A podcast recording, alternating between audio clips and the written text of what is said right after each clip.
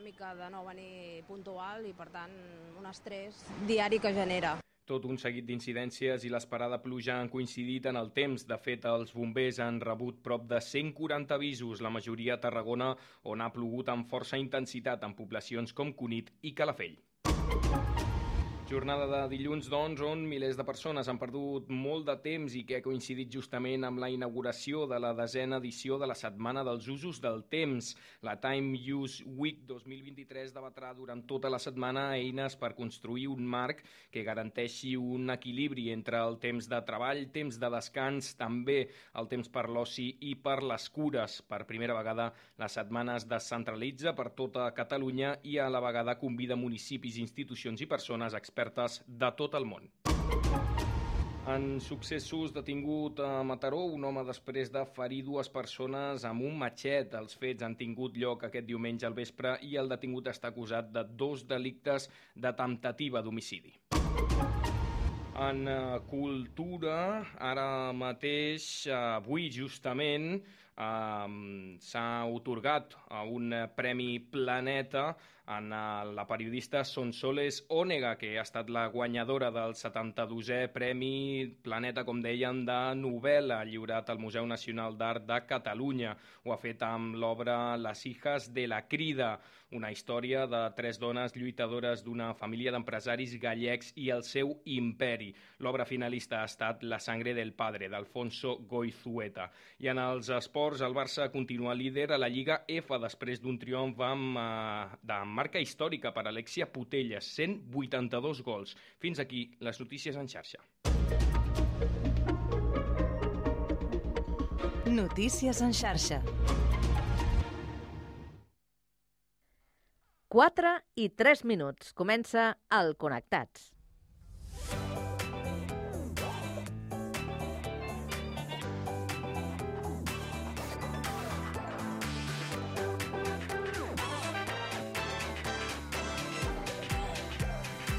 Connectats amb Carme Reversa.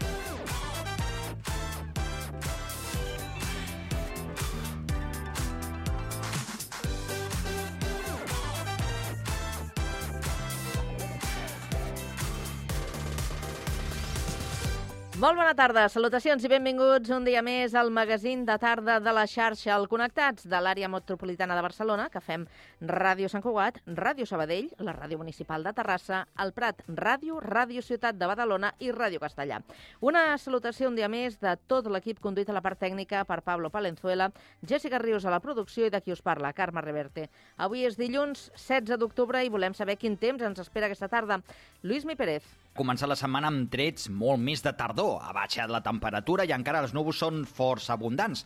No cal dir també que ha anat plovent a moltes comarques, no a tot arreu, i a més a més tampoc és una pluja que serveixi per omplir embassaments, però com a mínim allà on va plovent sí que es va regant una mica el territori i es neteixen les ciutats. Aquests ruixats que encara a les immediates hores aniran caient en moltes comarques, sobretot les del Camp de Tarragona, Barcelona i el sud de Girona, així com a la Catalunya central. Algun xàfec més intens anirà caient a prop del mar entre el Camp de Tarragona i l'àrea de Barcelona, però sempre ruixats dispersos o pluges que no seran gaire duradores. Fins i tot s'aniran obrint clarianes al llarg d'aquesta tarda per les comarques de l'Ebre i de Lleida, també les de l'Alt Pirineu. I ja diem, temperatura que recula, per tant un ambient ja força més propi per a aquestes dates. Demà tornarà a pujar aquesta temperatura i de pluja en tindrem més aviat poca. Sí que hi haurà núvols, això sí. Ho seguirem a la xarxa.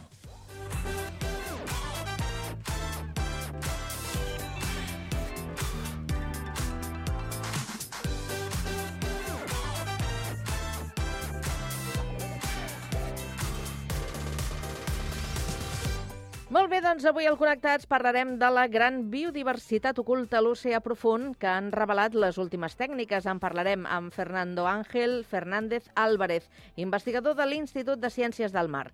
Acabarem aquesta primera hora amb la tertúlia esportiva per parlar de futbol i també de rugbi. A partir de les 5 coneixerem l'aventura espacial al centre de la NASA d'alumnes santcugatencs d'Agora International School. Continuarem amb més ciència per saber com afecta la presència de microplàstics al mar i al nostre organisme i acabarem amb cultura i el poemari de la santcugatenca Marissa Salgado, onades de cor blau. Tot això i més des d'ara i fins a les 6 de la tarda a la vostra emissora local. Connectats? Comencem!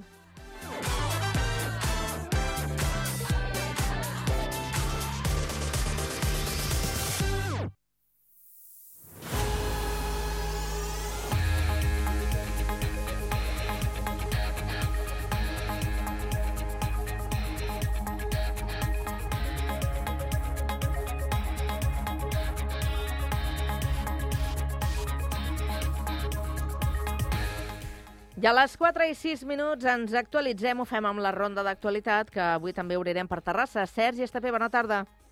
Bona tarda. No hi ha calendari per acabar les obres del remodelat Teatre Regina del Centre Cultural Social, com ha manifestat Ricard Figueres, el president de l'entitat. Les obres que s'hi estan fent a la teulada i el seu retard són les culpables d'un enèsim endarreriment de l'equipament. Inicialment es va dir que el nou Regina obriria el febrer de 2022, però les obres van patir una aturada a causa d'uns requeriments de seguretat necessaris perquè el projecte compleixi amb la normativa antiincendis. Es preveu que a final d'aquest mes d'octubre poder acabar la teulada per acte seguit continuar amb l'interior. A aquests problemes se li afegeixen els econòmics, doncs s'han disparat els costos previstos en el projecte. Les obres es van iniciar el 2012 i són una rehabilitació del teatre construït als anys 60. Amb capacitat per a 328 espectadors, el Teatre Regina es convertirà en el tercer més gran de la ciutat, només per darrere del teatre principal i la sala Crespi. Arran de l'acord signat el 2021 entre el Social i l'Ajuntament, el consistori inverteix en el projecte 500.000 euros i a canvi el teatre serà d'ús públic durant 30 anys. Gràcies, Sergi. Continuem el repàs ara per la cocapital a Sabadell. Avui que és notícia. Pau Duran, bona tarda. Bona tarda. Enganxada entre els pèrits i les defenses dels acusats en la represa del judici contra les bessones de Sabadell, acusades d'instigar la mort de la parella d'una d'elles a través del cunyat. L'enrenou entre els dies i les hores que consten en l'informe pericial que analitza les comunicacions entre els acusats ha generat polèmica durant la sessió d'aquest dilluns. Aquest és el moment en què quan el pèrit es disposa a descriure i il·lustrar les converses entre Isaac Hill, el presumpte autor material dels fets, i Pilar Vázquez, la seva parella i cunyada de la víctima, la defensa alega que es tracta d'un galimaties. Y empezamos con las conversaciones. En las conversaciones uh, empezamos con la de WhatsApp y podemos ver que el día 9, perdón, el día 8, a las 11.42 horas, Isaac envía... Un momento, ¿qué pasa? Dígame. Es que, señoría, disculpe, es que eh, genera una, una, absoluta indefensión este informe a las partes, al menos a esta defensa y creo a las demás, porque todo el informe es, es incorrecto. Hay un galimatías de fechas, no es, no es tan sencillo como nos exponen ahora, solo cambiar las fechas. Hay horas que están totalmente cambiadas en el informe. La defensa ha manifestat que impugnarà aquest informe on s'escolten els àudios que s'enviava la parella en els dies previs als fets.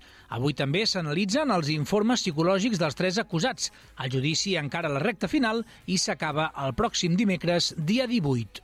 Gràcies, Pau. Seguim el repàs ara des del litoral a Badalona. Andrea Romera, bona tarda. Bona tarda, Carme. Badalona no tindrà alberg per a emergències de caràcter social, tal i com tenia projectat l'anterior govern a la zona de Pep Ventura, al barri del Progrés. L'alcalde Xavier García Albiol tira enrere el projecte. Argumenta que pot provocar un conflicte veïnal. Ho ha dit en una entrevista al programa Badalona Matí de Ràdio Ciutat. L'escoltem. A mi d'alcalde no hi haurà un alberg eh, perquè és un niu de, de, de, de conflicte amb els veïns de l'entorn. Jo ja he parlat amb la propietat, tenim un projecte alternatiu, que és una idea, alternatiu, però que no passa perquè allò sigui un alberg. Eh? Passa per un altre perfil de, de persona per donar-li utilitat. Passaria per fer un projecte d'habitatge eh, molt interessant i, i molt atractiu. Per de lloguer? Eh, de lloguer, sí. Al seu pas per la ràdio municipal, l'alcalde també ha avançat que el govern està en converses amb el Corte Inglés, propietari del solar de Can Llames, del barri de Coll i Pujol. Diu que tenen sobre la taula un projecte de caràcter públic o privat on hi hauria un gran equipament de ciutat, habitatges, un terç dels quals de promoció pública i zones verdes. Gràcies, Andrea. Seguim ara al litoral, al sud, una mica més al sud, al Prat de Llobregat. Víctor Asensio, bona tarda. Bona tarda. Esquerra Republicana ha homenatjat el president Lluís Companys en el 83è aniversari del seu afusellament pel règim franquista. Ha estat un acte als jardins que porten el seu nom i del qual han participat membres del Prat en Comú Podem, el PSC i Junts pel Prat. La formació republicana ha reivindicat i recordat la figura de Companys per fer front, segons expliquen, l'auge del feixisme i a través d'aquest reconeixement reclamen que es declari la nulitat de la sentència de l'expresident. Després del discurs d'Esquerra, aquesta trobada anual ha finalitzat amb el cant dels segadors i l'ofrena floral dels diferents partits polítics sobre el monument a Lluís Companys. Gràcies, Víctor. Seguim el repàs ara des de l'altra banda de Collserola, Castellà del Vallès. Guillem Plans, bona tarda. Nou coworking públic a Castellà, la regidoria de promoció econòmica i ocupació ha habilitat un espai de cotreball per facilitar l'emprenedoria i donar suport als primers passos d'empreses i professionals independents del municipi. El nou espai s'ubica al centre de serveis, al polígon industrial del Pla de la Bruguera i consta de sis punts de treball per treballadors autònoms o petites empreses de nova creació a Castellà. S'ofereix l'espai per uns 60 euros al mes. I pel que fa a la crònica de Sant Cugat, Jessica Rius, bona tarda. Bona tarda. Les mestres de les escoles bressol públiques de Sant Cugat reclamen a l'Ajuntament que posi solució a la manca de personal que els centres arrosseguen des de fa cinc cursos. El col·lectiu lamenta la poca celeritat del consistori a l'hora de contractar substitutes que cobreixin les vacants de personal. Un fet que obliga les mestres a assumir una càrrega de treball molt més elevada, molt més elevada amb una pressió considerable. Tot i això, asseguren que els infants estan ben atesos. Una petició a la qual se sumen famílies de les escoles Bressol que també assenyalen l'Ajuntament com el responsable de garantir una educació de qualitat per als infants. Escoltem a la Mariona i l'Alba de les escoles Bressol, al Niu i al Tricicle. Ho vaig parlar ahir i em va dir això, que els faltava... O sigui, ja en aquell moment tenia dos nens que estaven cagats i no es podien a canviar cosa que ens van donar és que ningú volia els terços de jornada. I fixeu que aquest era el meu problema. O sigui, les mestres tenen dret a una reducció de jornada i tu l'obligació de buscar qui la substitueixi. Punt final. Pues llavors has de buscar una altra manera de cobrir aquestes places. Les mestres han traslladat aquesta situació al consistori en diverses ocasions, però lamenten que la resposta sempre sigui que fan el que poden.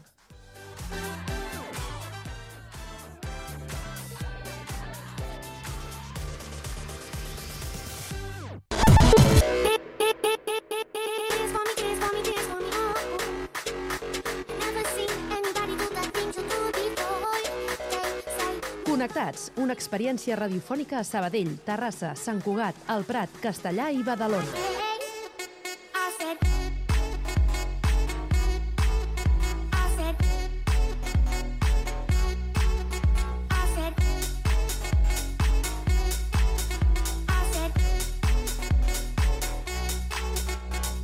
Connectats amb Carme Reverte.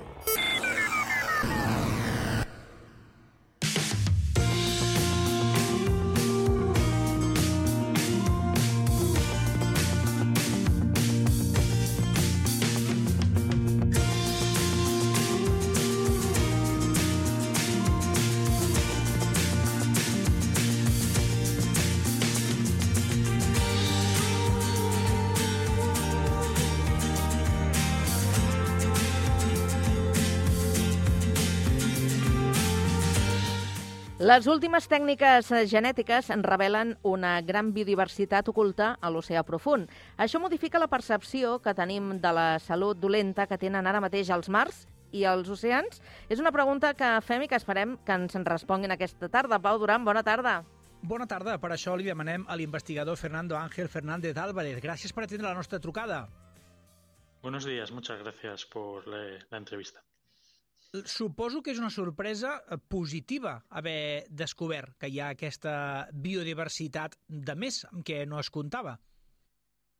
Pues sí, porque realmente, claro, para investigadores que estamos centrados en el estudio de la biodiversidad siempre es excitante encontrar nuevas especies. Entonces, bueno, la, la idea era testar eh, si en morfospecies con amplios rangos de distribución, como eran estas 16 especies testadas, si teníamos algunos casos de diversidad críptica, es decir, de, de especies que morfológicamente son iguales, pero descubrimos a través de su ADN que son diferentes especies. Y bueno, nos hemos encontrado diversidad críptica en 4 de las 16, que viene a ser un 25%, un porcentaje bastante alto, y luego había una que está en la zona gris de especiación, que es básicamente una especie que tiene la suficiente divergencia en sus marcadores genéticos como para ser bastante diferente, pero no sabemos si lo suficientemente diferente como para considerar varias especies. Clar, el, quines espècies ens hem d'imaginar? Quin, quin tipus o de bestiola que està per allà? Sí, estamos hablando de calamares oceánicos, que básicamente pertenecen a dos órdenes de, de los cefalópodos y en este caso eran seis familias diferentes. Entonces, bueno, sus morfologías entre familias es bastante diferente, entre, dentro de cada familia ya no tanto. Eh, esto incluía pues eh, algunos calamares como los calamares de cristal, que son unos animales con el cuerpo muy muy frágil, eh, transparentes, y que bueno eh, pueden variar desde especies muy pequeñitas hasta algunas que miden metros de, de, longitud. En este caso, pues alguna hay pequeñita y también de las grandes. Metres. Y luego, pues otro... Metres sí, llarg, eh? Sí, sí, sí. Por ejemplo, uno, el, representante más grande de esta, de esta familia, de los cránchidos, los calamares eh, de cristal, es el calamar colosal, que vamos, el, el récord en el mundo hasta ahora está en 450 kilos de bicho. Wow. Y, y, bueno, vive en, en- en la Antártida, así que no forma parte de nuestras muestras, pero bueno, en, en el Atlántico y en el Mediterráneo, pues tenemos megalocranchia, que podrías encontrar alguno de dos y tres metros de largo, o galiteutis, que también son bastante grandes. Sí. Per què és important la descoberta? Bueno, es importante conocer los patrones de diversidad que tenemos en organismos mesopelágicos. eh, eh, más que nada porque muchas de las evaluaciones que hacemos sobre el estado de los ecosistemas se basan en la biodiversidad.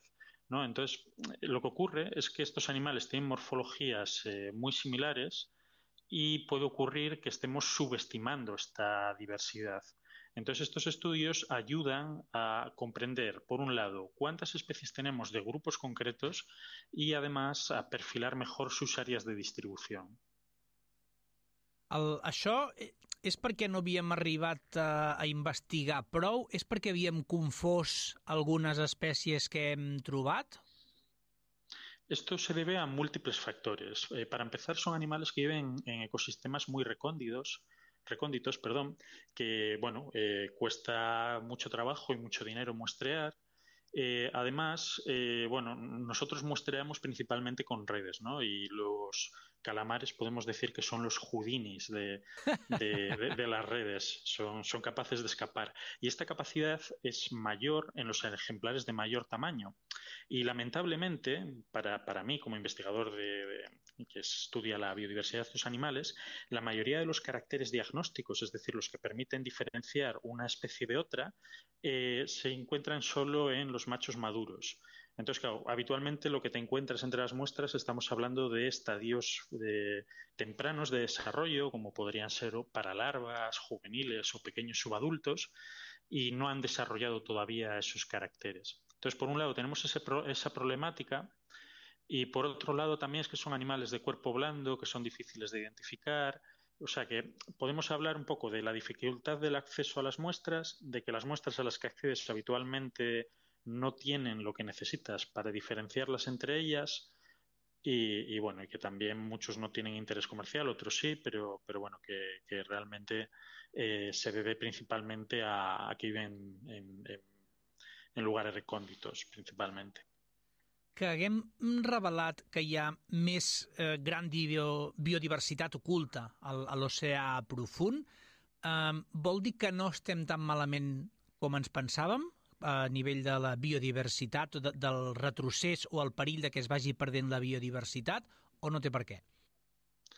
Eh, bueno, realmente eh, lo que nos ayuda es co- a comprender mejor lo que tenemos y es diversidad que no conocíamos. Entonces, claro, en este momento estamos viviendo lo que llaman la sexta gran extinción, ¿no? que debido a causas antropogénicas estamos eh, bueno, eh, incrementando el ritmo de extinción de las especies y ah, conocer la biodiversidad es importante para saber lo que tenemos, pero, pero también nos ayuda a saber en el futuro qué de esto que tenemos hemos perdido. Entonces, realmente no creo que tenga un impacto, o sea, no creo que sea una buena noticia eh, saber que hay nuevas es- especies ni tampoco es mala. Simplemente nos ayuda a comprender mejor lo que hay en este momento. Pero las especies que se extingan eh, se extinguirán independientemente de que las conozcamos o no. Por eso es tan importante describir esta eh, diversidad y también nombrarla, porque bueno, lo que, no tiene nombre no, existe y vamos a efectos de, de nuestro conocimiento. Em, entonces, bueno, realmente no, no tiene un conocer, conocer estas cosas no significa que es que haya más diversidad, es que hay diversidad que no conocíamos. Quan dius que la, aquesta sisena extinció té causes antropogèniques, et refereixes a que són causades per, per l'espècie humana?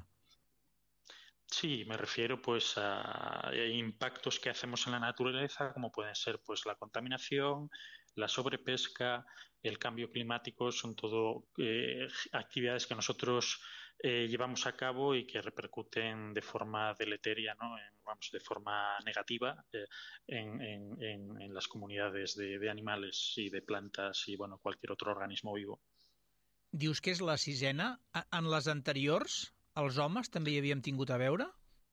No, no, porque no existíamos todavía, principalmente. Eh, no, eh, a lo largo de la historia ha habido grandes eventos eh, de extinción, cinco previos a, a nuestra era, El último ha sido el de, si no me equivoco, el que marca el límite entre el Cretácico, la última de las eras donde vivían los dinosaurios en el Mesozoico, y ya la era terciaria, que eso fue un meteorito que cayó en el actual Yucatán y bueno, pues, pues generó extinción en masa de, de numerosísimos eh, grupos.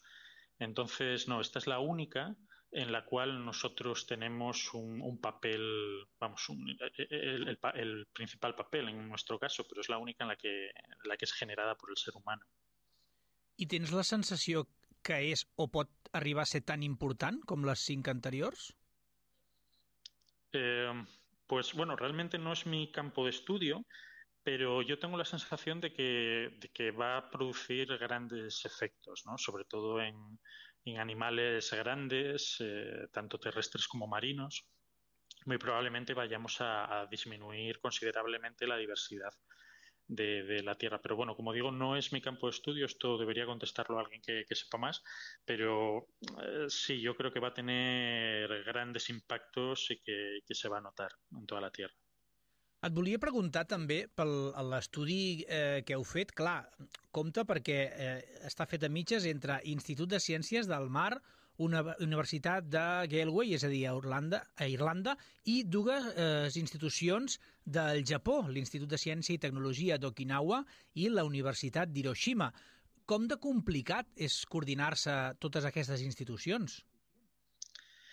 Eh, bueno, realmente ha sido fácil porque somos investigadores que llevamos ya bastante tiempo colaborando juntos, tenemos ya varios trabajos y nos compenetramos muy, muy bien realmente. O sea que eh, realmente pues eh, los análisis que, uno puede aportar más, pues aporta más, otro aporta muestras, otro aporta su conocimiento. O sea, realmente ha sido una colaboración muy sencilla, muy positiva y la verdad que un placer colaborar con todos estos investigadores.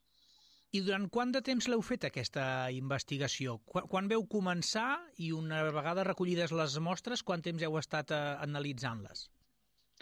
Esto ha sido un trabajo bastante largo porque realmente las primeras muestras que se han incluido en este trabajo fueron recolectadas en una campaña oceanográfica entre Brasil y Canarias, hecha en aguas internacionales todo, eh, llamada Mafia la campaña, eh, y esto fue en 2015.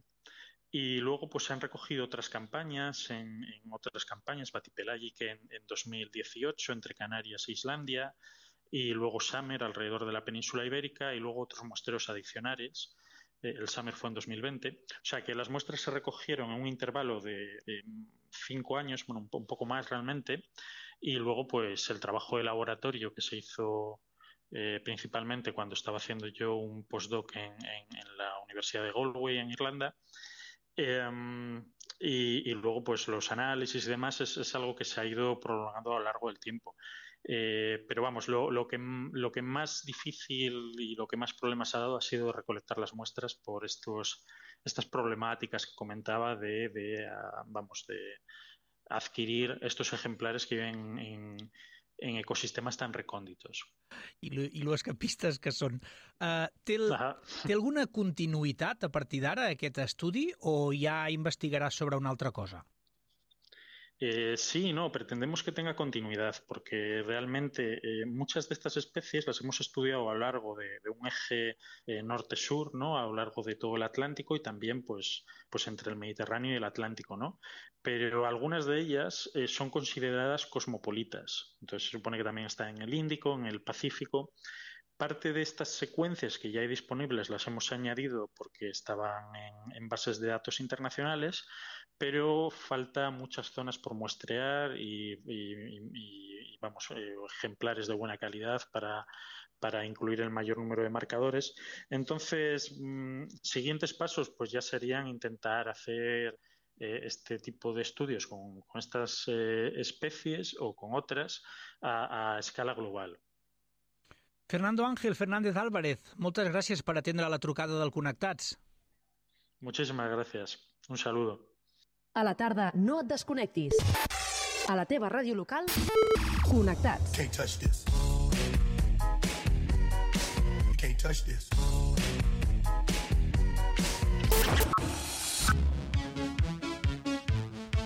Can't touch this. Can't touch this. Connectats amb Carme Rebel.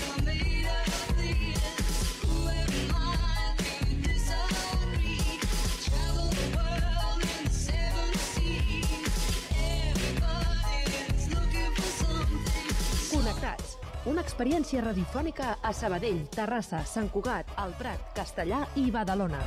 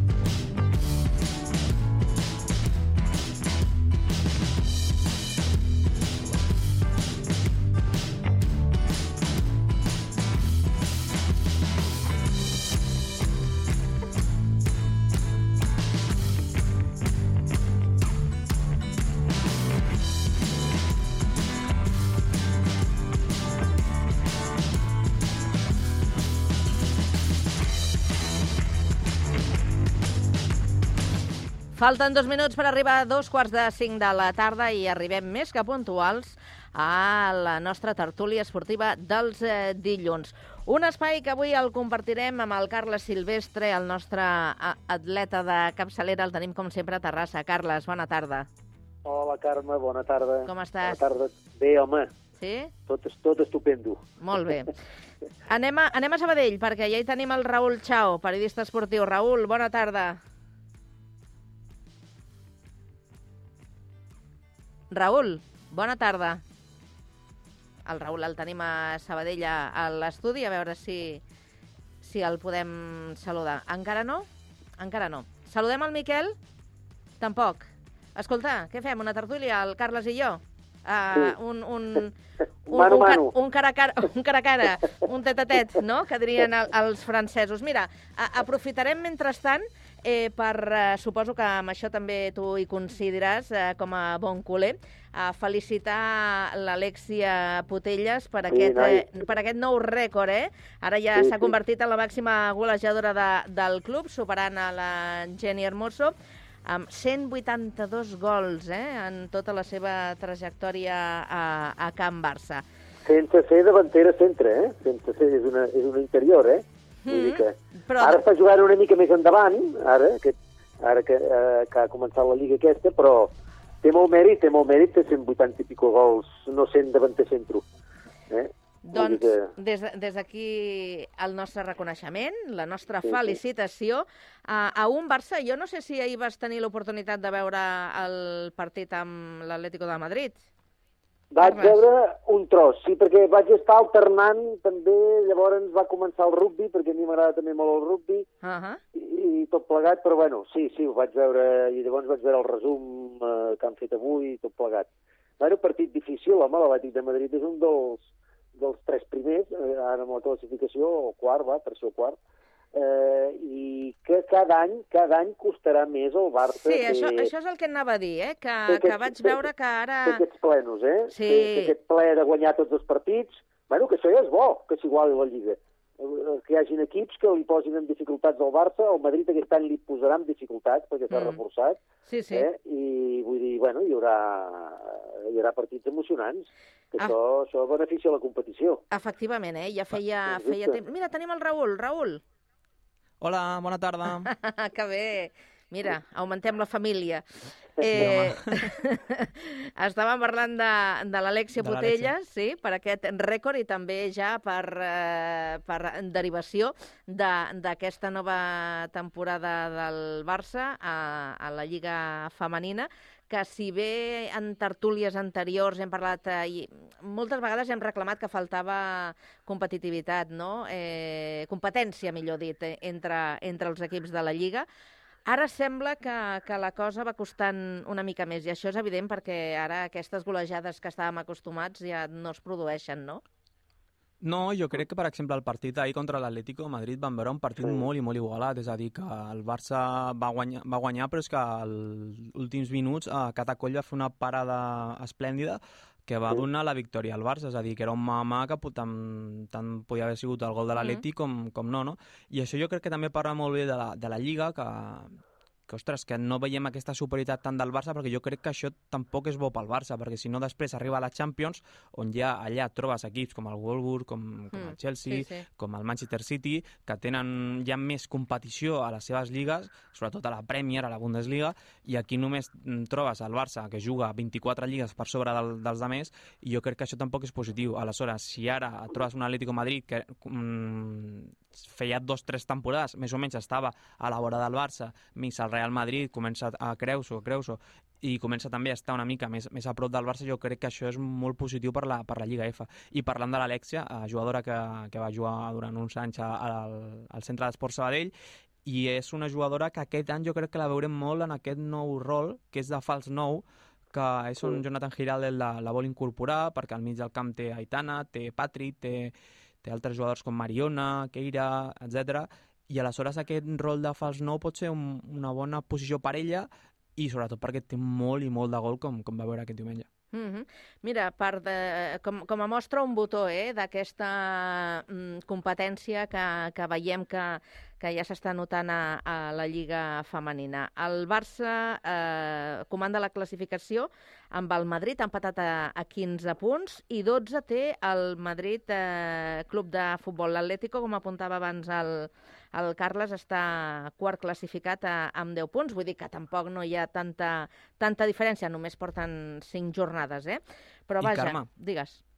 I un apunt, el Levante Les Planes, Ah, això un, inici, mateix. un inici brutal i històric, que eh, són invictes, Correcte. van empatar al camp de, del Levante, un dels equips punters que tenen Alba Redondo, una de les millors jugadores Mhm. de, de la categoria, i això amb un pressupost molt, molt limitat i molt just, només parla molt bé de les jugadores de, de l'equip de, de, Sant- de, de Sant Joan d'Espí. Exactament, és un altre dels apunts que volíem afegir en aquest eh, eh, tema inicial de, de la tertúlia per destacar doncs, aquesta bona marxa de moment eh, del Llevant les Planes. Bé, doncs, eh, dit això, anem per la resta de, de temes que us proposava per, per avui.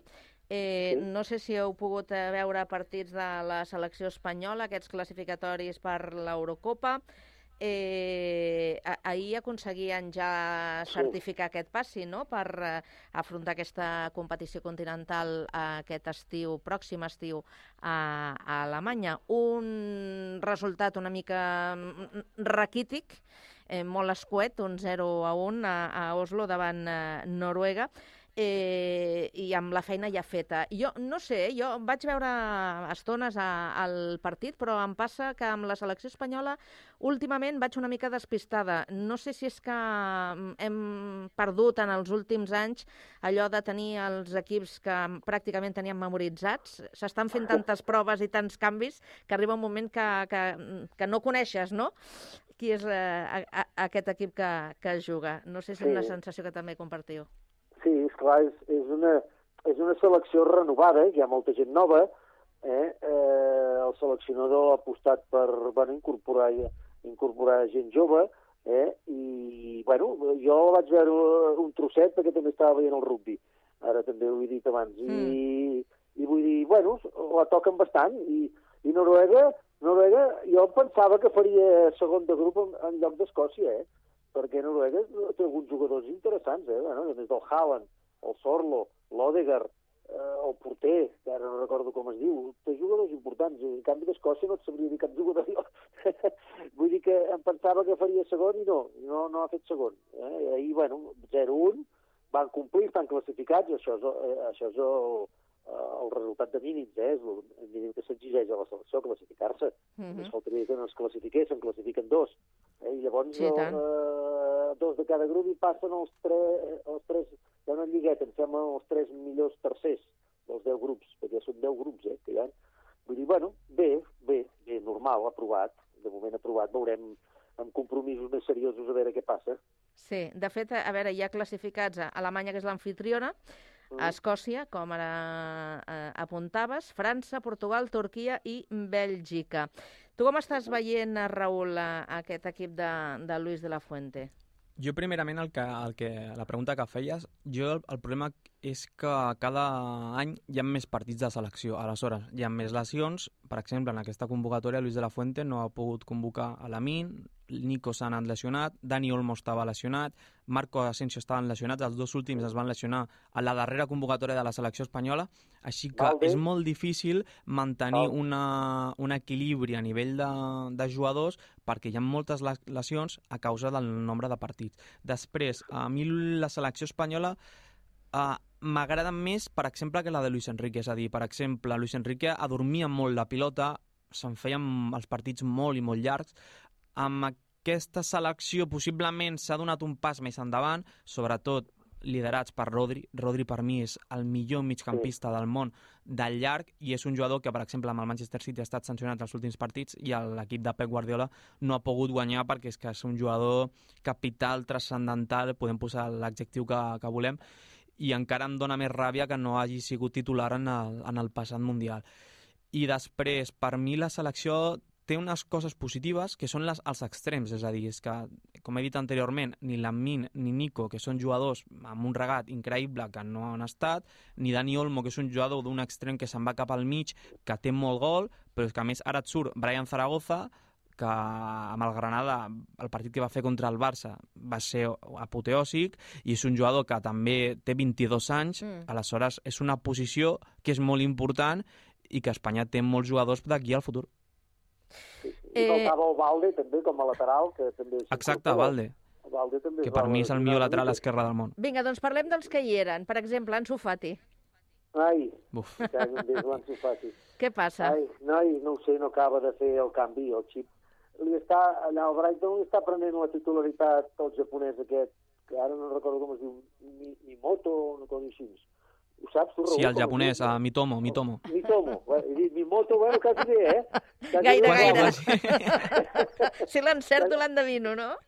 Mimoto, Mitomo, sí, està prenent la titularitat, no sé, no acaba de fer el clic, eh, va jugar tota una part i, i bueno, fluixet. Eh, eh, Ja. No sé, no sé què passa, no sé, no sé, no, no, no, no sabria dir si és mental o és físic o, o què és. No acaba... Jo, jo, jo diria que és mental, és a dir, jo el veig mental, sense oi? confiança.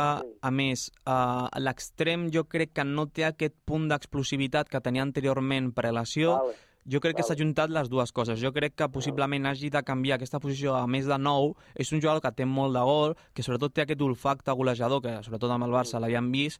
Possiblement, si uh, aconsegueix a, a guanyar-se aquesta confiança mentalment, i juntament amb un canvi de posició pot- potser podem veure un Ansu més semblant al, de, al que havíem vist amb el Barça, però jo crec que el Barça aquell de la temporada 2019-2020 jo crec que serà difícil de, de tornar-ho a veure. Mhm. ha, perdut, ha perdut aquesta punta i poder, el que diu el Raül, jugant de davanter centre, poder... Doncs clar, ara hi ha el Morata, hi ha, clar, hi ha, hi ha altres jugadors també a la selecció. Vull dir que ja veurem, no sé, ho té una mica cru, a veure. I eh, farà- jo, i pensava, jo em pensava que Inglaterra faria un saltet, bueno, acaba de començar, eh, tot, però vull dir, no, no acaba de, de ser titular en el Brighton i veurem, a veure si fa una bona temporada. I Jo una... pensava el mateix que tu, eh, Sí, Carles? sí, jo pensava el mateix que tu, que allà amb el Brighton i tal faria el passet endavant que li faltava, però no acaba, no acaba. De moment no acaba. I, I Ferran Torres, què? Jo l'he vist una mica... desaparegut, és a dir, Sí. ni en el partit de, de, de Sevilla, que va jugar a la segona part, Mm. ni aquest partit que ha jugat de titular, que va jugar 65-70 minuts, no, no l'he acabat de veure amb, amb el protagonisme que va tenir la, a l'anterior convocatòria, que arran de les lesions va, va anar-hi i va marcar dos gols, però aquesta no, no, no l'he vist, no l'acabo de veure. Bé, doncs, cert, digues, ara, digues. Perdona, un apunt així. El gol que fa el Gavi, eh, en el moment que xuta el Ferran Torres, el Gavi està en fora de joc. Vull dir, s'ha d'anul·lar aquest gol, eh? Sí. Si, si ens ho piten en contra o és un partit Barça-Madrid, hi hauria tralla. El Gavi està en fora de joc, que surt. Xuta el Ferran, el Gavi està en fora de joc i surt. Llavors li ve el rebot, pam. El Morata queda al costat, que no intervé Sí. pràcticament res. Però al moment de xutar el Ferran, ara l'he tornat a veure un parell de vegades més i està en fora de joc. I el Bar va estar 5 minuts mirant, eh? Sí, sí. Tal qual. És que, Carme, Sí. te'n te'n recordes la setmana passada amb lo de les mans del Sí, partit de l'Atlético sí. Madrid-Real Societat parlàvem d'això de que no sabem quan és mans, quan no. Pues ara mateix Ah. jo crec que no sé quan és fora de joc i quan no. És a dir, per mi el, el gol que anul·len a Espanya, que Morata ma- remata a mig metre de gol, sí. per mi això no és fora de joc, perquè ell no, no, no molesta ni el porter, ni el defensa, ni res, sinó que és un rebot, gol. I el segon és que Gavi està a mig metre del porter que interfé la seva, la seva visió. Per mi és fora de joc Ah, claríssim exacte. i és el que, i és el que deia el Carles, és a dir, és que estàvem 5 minuts fàcilment que la, jo pensava, ostres, anirà a anul·lar-lo el gol, anirà a anul·lar-lo, i Sí, quan sí, diuen sí. no, no, no, que dona el gol, doncs a mi em va, em va sorprendre moltíssim. Doncs sí, eh, en comptes d'ajudar-nos a treure'ns de, de dubtes, eh, el que ens crea són, són més dubtes encara, eh, el tema de, del bar. Eh, passem molt ràpidament per la segona per, eh, per destacar que l'Espanyol torna a ser líder. Eh? Eh, mira, hi ha algun perico per aquí que aixeca la, aixeca la mà. eh, tampoc no ho estan eh? fàcil. És, és, és complicada, eh, la segona, Molt, la segona divisió. molt, és complicada. Molt complicada Molt i llarga. I llarga, eh? Molt complicada i llarga. Vull dir, hi haurà eh, diferents situacions. Ara jo crec que l'Espanyol, si agafa una mica de regularitat, estarà... Ha d'estar entre els dos primers, que no s'aventuri quedar al tercer o quart a fer la lligueta aquesta, que, que és traïdora la lligueta aquesta, eh? Per pujar. Ha de fer entre els dos primers. Jo Sí, crec que pot sí. quedar entre els dos primers. Jo crec que pot quedar entre els dos primers. Que passa que haurà de competir... Cada... És que cada camp és difícil. Hi ha, hi ha 14... Hi ha, de 22 em sembla que vaig comptar l'altre dia 14 o 15 ex-primeres. Eh? Vull dir que cada camp s'ha de treballar l'assumpte, però a base de bé. Eh? I, bueno, mantenir una regularitat i, i endavant els atxes que diuen. Home, de, de mi- fet, han, han superat aquest cap de setmana, aquesta jornada, a un dels eh, candidats, no?, al Valladolid. Mm. A Sí, sí, a, a priori és un dels 3-4 equips que hauria de lluitar Mm. per aquestes dues places que donen accés directe a primera divisió. Per mi, de, de l'Espanyol, el més important és que ha recuperat Bereguet per la causa, és a dir, ja no està com el que veiem a l'estiu, un jugador desganant que volia marxar, sinó que ara ja el veiem més implicat amb el club. Jo crec que això és molt important perquè estem parlant del millor davanter de la categoria. De Puado, que Puado, com diuen allà, Pua, Pua gol, no? És a dir, un jugador que que no estava tan amb tanta punteria des de que va estar jugant cedit amb el Zaragoza l'any previ del, del Covid i des d'aquell moment no havia trobat un Puado amb, amb tant gol i jo crec que això és molt important per, per l'Espanyol. I sobretot per mi la clau de, de, dels Pericos és intentar mantenir aquesta defensa amb una certa regularitat perquè l'any passat a primera divisió era el seu punt negatiu, mantenen la mateixa fragilitat possiblement però sobretot hem d'intentar ser un bloc a partir de, des del darrere per intentar construir, perquè si et marquen dos o tres gols per partit és molt difícil remuntar tots els dies. És a dir, un dia el pots fer, però no, no sempre. El Pacheco, el porter, que sembla que va jugar força bé, a veure si s'entona també, perquè és un porter bastant irregular. Eh? Però l'altre dia va fer un parell o tres de parades guapes. Eh? El va felicitar l'entrenador i tot.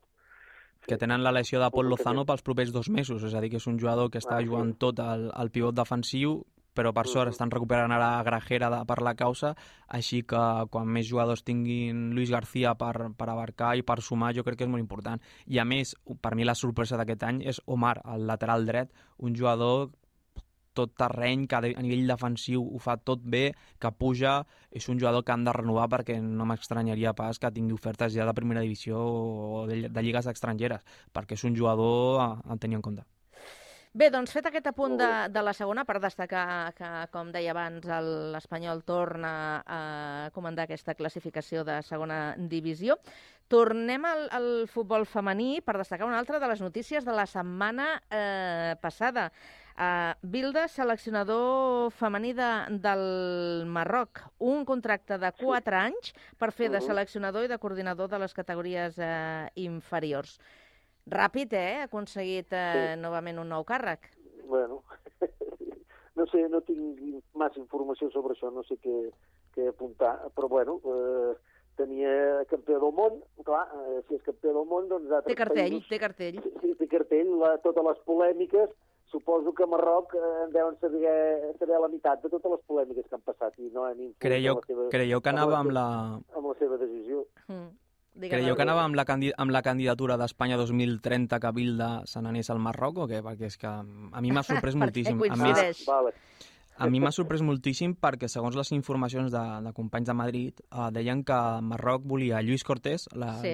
l'extècnic del Ah. Barça, Mm. i Bilda. I aleshores, quan Lluís Cortés eh, va veure que aniria al Marroc eh, compartint staff, diem, direcció, de direcció, amb Bilda, mm, Lluís Cortés va dir "Mm, jo aquí no, jo aquí no, per respecte a les jugadores. I aleshores eh, Bilda ho ha agafat tot, és a dir, tant la direcció esportiva com, com la selecció. Com la, la selecció. sí, sí. Aleshores, mm, bueno, jo em quedo amb la reacció d'Eva Navarro, la jugadora de l'Atlético de Madrid, que és campiona del món, quan li van preguntar i ella es va quedar tot sorpresa, van dir t'ha sorprès? I va dir sí, però bueno, i, va, i després ja es va allargar, però la imatge de la seva reacció jo crec que diu, diu, diu molt. Sí, sí. Doncs no sé, a Bueno. veure, a veure com, com li va. A veure com li va. No, també és destacable, eh?, la renúncia de, de Lluís Cortés, que efectivament, com tu apuntaves, eh, Raül, el, el van eh, cridar per formar part de l'equip. En principi, Lluís Cortés eh, anava a fer de, de, de seleccionador i després amb Bilda de, de director, Director esportiu. esportiu. O sigui, que havien de compartir treball dins del, del mateix equip i la veritat és que l'oferta tinc entès que era, era sucosa, eh? era una oferta econòmica important i renunciar als diners, doncs mira, avui dia és un, és Lluís un luxe que no, Cortés- no, no tothom ho pot fer, no? No, Lluís Cortés, gran professional i gran persona. Sí, sí. Mm. Però segur que, li, segur que tindrà ofertes, Oh, perquè. Lluís Cortés Sí, és un, el millor entrenador possible. Exacte. Uh, ens aturem ara uh, en, una, en una història que va tenir lloc la setmana passada dins del futbol més modest i és la classificació de la Unió Esportiva de, de Rubí, un equip que milita a la Lliga Elit, el que vindria a ser la sisena divisió del futbol eh, espanyol, s'ha classificat per disputar eh, la, la Copa de, del Rei. Va eliminar un equip eh, balear als penals. Es veu que va ser una festa Can Rossers, allà on juga l'equip eh, rubinenc, que van tenir un heroi que va ser el, el porter i que demà el seu president se'n va a Madrid al sorteig, eh? Demà es fa el, el sorteig. Aquestes històries són fantàstiques. Sí, no home, sé, la no sé vosaltres si... Rei- si... Sí. La Copa del Rei té això, eh, el partit únic, eh, la tanda de penals, el porter els hi para el primer i llavors fa l'últim, vull dir, esclar, eh, i ara els hi tocarà un primer, eh? vull dir que, bueno, hauran de, han dit que han d'adaptar el camp a tota una sèrie de coses, perquè... Clar, perquè- estem parlant que aquell, eh, aquell dia, eh, crec que va ser dijous, van tenir doncs, uns 1.700 espectadors. Sí, quasi Aproxim- 2.000, sí, sí. Sí, aproximadament, i que... Que és la, clar, seva, la seva millor entrada a nivell de la seva història. clar, clar. Mm, Clar, estava, estàvem parlant de que si no, bueno, mm, no, no sé on vaig llegir, crec que va ser- no sé si va ser el compte de Twitter Futbol Catalunya o un d'aquests mm, mm, comptes de Twitter que segueixen l'actualitat de l'equip més modest, Sí. que si no deixaven jugar el Rubí a, al seu camp per mm, causes lo- logístiques la federació, Sí. una de les opcions podria ser la nova Creu Alta de, de Sabadell. Sí. Per, O sigui, proximi, per proximitat i per... o Tar Terrassa també podria ser. O Terrassa també, També però Terrassa, ser. el Terrassa crec, si no vaig errar, que també està classificat per, Està la, per classificat, la Copa sí. del Rei. Correcte. Aleshores, de, depèn del... si toca jugar a casa o fora, potser coincidirien en, en, en dia. Sí, el sorteig, depèn del sorteig. Sí, tinc Home, entès... sí. Clar que... Una, una de les qüestions que haurien de solucionar és el tema de la il·luminació, eh? eh a Per la tele, sí. A, Sí. a, a, a Rubí, dius? Sí, Sí, sí, sí, sí, sí, suposo sí. que sí, esclar. Allò que queden les porteries una mica fosques en aquests camps, i, i esclar, llavors per la tele i tot plegat, sí, Clar. sí, s'hauria de solucionar, però bueno, és una, pot ser una bona alternativa a Sabadell o Terrassa, Mm. pel Rubí. Escolta, Home, a veure si el sorteig els hi dona doncs, una, una alegria, perquè, a veure, Bueno. sense menysprear ningú, però els equips que també es podria trobar, entre ells hi ha el Girona, l'Espanyol, el Nàstic, el Manresa, el Terrassa, com apuntava el Raül, l'Europa i el eh, Badalona. Eh, home, sempre aspires a, a veure-te-les amb, amb un gran, no? un munt de grans, Sí, sí, ex- sí. Clar, eh, eh, no, no es poden trobar ni amb Madrid, ni amb Barça, ni amb Atlético de Madrid, Sí. i en falta un que són els que van a la Supercopa que juga a Aràbia, Mhm. aleshores tota la resta són possibles, aleshores o veure una, un... Ah, ex- exacte, Osasuna. Veure un Rubí Real Societat, un Rubí Atlètic Club de Bilbao, un Rubí Sevilla o un Rubí Betis, home, fa molta Home, patxoca, molta, molta un patxoca. Rubí Betis i Sevilla, o, a, a, quasi bé omplen Terrassa o Sabadell, eh? Sí, Sí. és Ma- veritat. Quan van, quan van venir a Sabadell, fàcilment tot el gol sud de la nova Creu Alta estava ple de, de bètics. 5 o 6 mil l'entrada el farien, segur. I li salven això el pressupost del Rubí de tota la temporada i la que ve. Tal qual. Anava a dir el mateix, anava a dir el mateix, és a dir, és que això et dona un, una quantitat econòmica molt important per equips Clar, tan però- modestos que Ah, li, li salva molt la vida. És una injecció important. Una injecció total. Sí. Molt, Mai millor dit, sí. Sí, sí, és, és veritat. A veure, estarem pendents demà a veure com va aquest eh, sorteig i tant de bon do... puguin tenir sort en, en aquest sorteig i el Bombo els, eh, els regali un, un rival interessant. Eh? I Carme, tinc, tinc moltes ganes també de veure aquest Girona a, a la Copa, és a dir, és un Ah. equip que, que potser pot donar alguna sorpresa eh, perquè Mm. juguen molt bé i tal, i mm, tinc, tinc moltes ganes de, de veure aquest Girona a la Copa. Doncs a veure, Sí, sí. a veure què, què fan.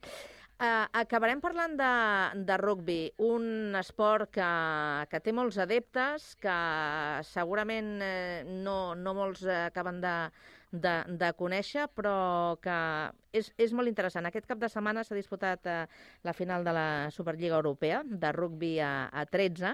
Hi ha un, un equip de, de la Catalunya Nord, els eh, Dragons eh, catalans, que van arribar a la seva segona final, que han tornat a ser eh, derrotats, eh, però que per ells és com si fos una religió. Tu vas veure, no?, el, el partit? Vas veure aquesta final, Carles? No, No. no, perquè... No, quasi bé res, ben vist trossos. Eh, eh, era a la mateixa hora que, que el Sud-àfrica... Ah, tu vas tirar pels grans, eh? Clar, és que... Sud-àfrica-França, que es van repassar els francesos, que anaven, anaven de xuletes, com sempre, els francesos. Mm. ja em va agradar. No, no, he vist, a més, la reglamentació és diferent també, eh? del, futbol, ai, del rugby 15 al rugby 13. Sí, clar, tota sí. Una sèrie, la puntuació, o, els timings, o les pilotes retingudes, hi ha tota una sèrie de coses que, que, que del rugby 13 no ho tinc apamat. No, no el tinc massa apamat perquè he vist res, no he vist quasi res. De l'altre rugby sí, eh? que m'agrada força i, i, i com fan també les assignacions i tot això també el segueixo. Eh? Vull dir I què, que- què, bueno, què diries tu que té el, el rugby, que és un esport que, que atrapa... So- Jo us he de dir una cosa, eh? Jo el rugby Noblesa, l'he l'he vist... En... Noblesa. Eh, sí, No, noblesa té. Són nobles. Eh, aquell que expulsen eh, de Sud-àfrica eh, eh, l'altre dia, bueno, i diumenge, en els quarts de final, Mm. expulsen un jugador i l'àrbit li explica allà davant tranquil·lament i li treu targeta i el jugador ni una protesta de res, de res, que volia aixecar les mans del futbol a tots i se'n va anar a disculpar a l'altre, en el, en el, en el, en el de Sud-àfrica, en, el de, en el de França, es va anar a disculpar i va sortir. Saps? Hi ha cavallerositat perquè es foten unes trompades que si anessin amb mala fe es podrien partir la crisma, eh? I a més No, no, tenen però bar ja- també, no? Sí, hi ha, hi ha bar també, sí. I, bueno, sí, sí, hi ha bar, hi ha bar. Hi ha Sí, bar, i- perquè i em sembla aquesta que- jugada la van, la van anar a veure en el bar, aquesta jugada Mm. que, que, et dic, que et dic jo, sí. Sí, sí, és, és noblesa, és una altra, una altra història. Eh, comparat amb el futbol, clar, si ho compares amb el futbol, eh? Ja, ja, ja, ja. Sí, sí. Que, que també les comparacions són odioses, no, no, no res a veure una cosa amb l'altra, però jo hi trobo noblesa i, i, que, i que, és, que és actiu i és dinàmic i hi ha força, hi ha curses, no sé, m'agrada. M'agrada més aquest, m'agrada més aquest que el futbol americà, eh? Que Ja. tota l'estona parats. Raül, tu, tu del, del rugby destacaries alguna cosa? No sé si ets eh, gaire seguidor, t'agrada o l'has vist mai. No sóc gaire seguidor, no m'acaba de convèncer. Vaig estar a Gales veient un partit de rugby a l'estadi nacional de, de Cardiff, allà que és on juga la selecció galesa de futbol, i em va agradar molt l'ambient i tal, però és un esport que no acabo d'entendre molt perquè hi ha moltes aturades, aleshores no és un dels meus esports preferits, però pel que he llegit a la crònica em quedo amb això, que van anar 2 a 2 al marcador al descans, que és la segona vegada que, que han perdut la final, Mm. però aleshores ja sabem això que diuen, no? I esperem que, que en aquest dit eh, sigui correcte, que la tercera va la vençuda, no? I, i els de Perpinyà s'emportin la, la copa cap a, cap a casa. Bé, doncs eh, amb el rugbi hem acabat eh, avui aquesta tertúlia dels eh, dilluns. Eh, per cert, a Terrassa hi ha els carboners, no?, de rugbi? Sí, Carles? sí, sí, sí, a sí, Sabadell sí. també hi ha rugbi, oi, Sí, Raül? són, la, hi ha tant masculí com femení. El Sí. sí. Sabadell Rugby és amb les tintoreres que, Exacte. que tenen allà i bueno, que han, han, van creixent. I aquí també, aquí també tenim rugbi a Sant Cugat. Senyors, moltíssimes gràcies, que passeu una molt bona setmana. Vinga. Igualment, Que vagi bé, bona setmana. adéu-siau. Una abraçada a tots.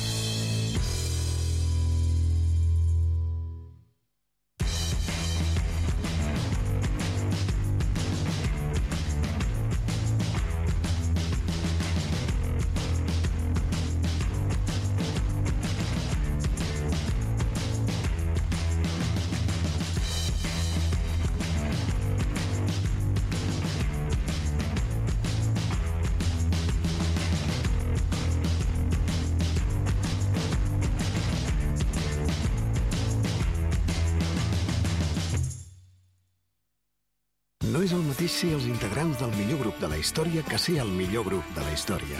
Per això, el grup català Occident serem Occident, perquè per continuar assegurant-ho tot, tot i tot, ens havíem d'ajuntar tots, tots i tots. Entra a seremoccident.cat.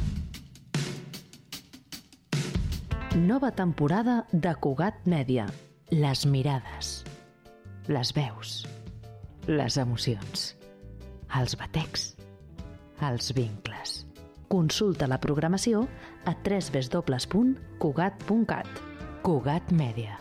Arribem a tu amb tots els sentits. Nosaltres. Nosaltres som feliços. Nosaltres som així.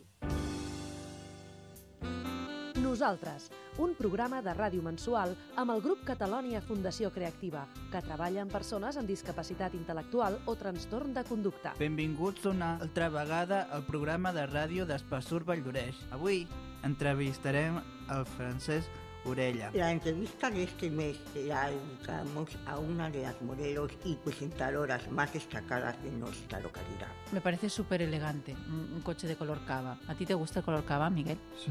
Hombre. Avui entrevistarem a la Gemma Mengual. De festa un dia amb les amigues també, si podíem. Igual que jo. Clar que sí, s'ha de fer això, s'ha de fer. Nosaltres, cada mes a Ràdio Sant Cugat, Cugat Mèdia. Nosaltres som genials. Estàs pensant a posar plaques solars a casa teva? Doncs passa't a l'energia solar de manera fàcil i segura amb la teulada, experts en energia solar i el nou espai d'assessorament per a la ciutadania i les empreses. Informa't a la teulada arroba amb.cat o contacta'ns per WhatsApp al 645 725 465. La teulada és un servei de l'AMB finançat amb el Fons Europeu de Desenvolupament Regional. AMB, Metròpolis de Barcelona. No és el mateix ser els integrants del millor grup de la història que ser el millor grup de la història. Per això, el grup català Occident serem Occident, perquè per continuar assegurant-ho tot, tot i tot, ens havíem d'ajuntar tots, tots i tots. Entra a seremoccident.cat. Tots sabem que Sant Cugat és una ciutat molt activa i cada dia es fan moltíssimes activitats. No et perdis les que t'interessen. Cugat Mèdia adapta l'agenda a tu perquè gaudeixis de manera fàcil i senzilla les activitats de Sant Cugat. Els filtres de cerca de la nova agenda et permeten trobar ràpidament l'activitat que busques per tipus, cultura, música, infantil, esports, per localització, data i preu. Fes la teva cerca des de l'ordinador o al mòbil a www.cugat.cat barra agenda i incorpora directament al teu calendari les activitats que no et vols perdre.